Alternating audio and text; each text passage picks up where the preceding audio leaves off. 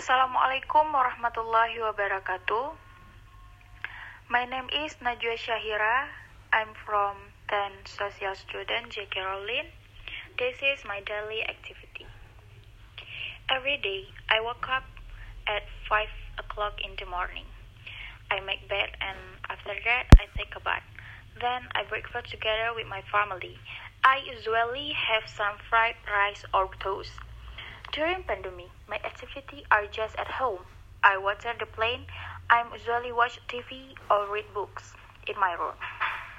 Sometimes I clean the house or do my homework before dinner. After studying, I help my mother. After that, I play with my handphone and sometimes I take a nap for a while. On weekend, I and my family love to spend time together.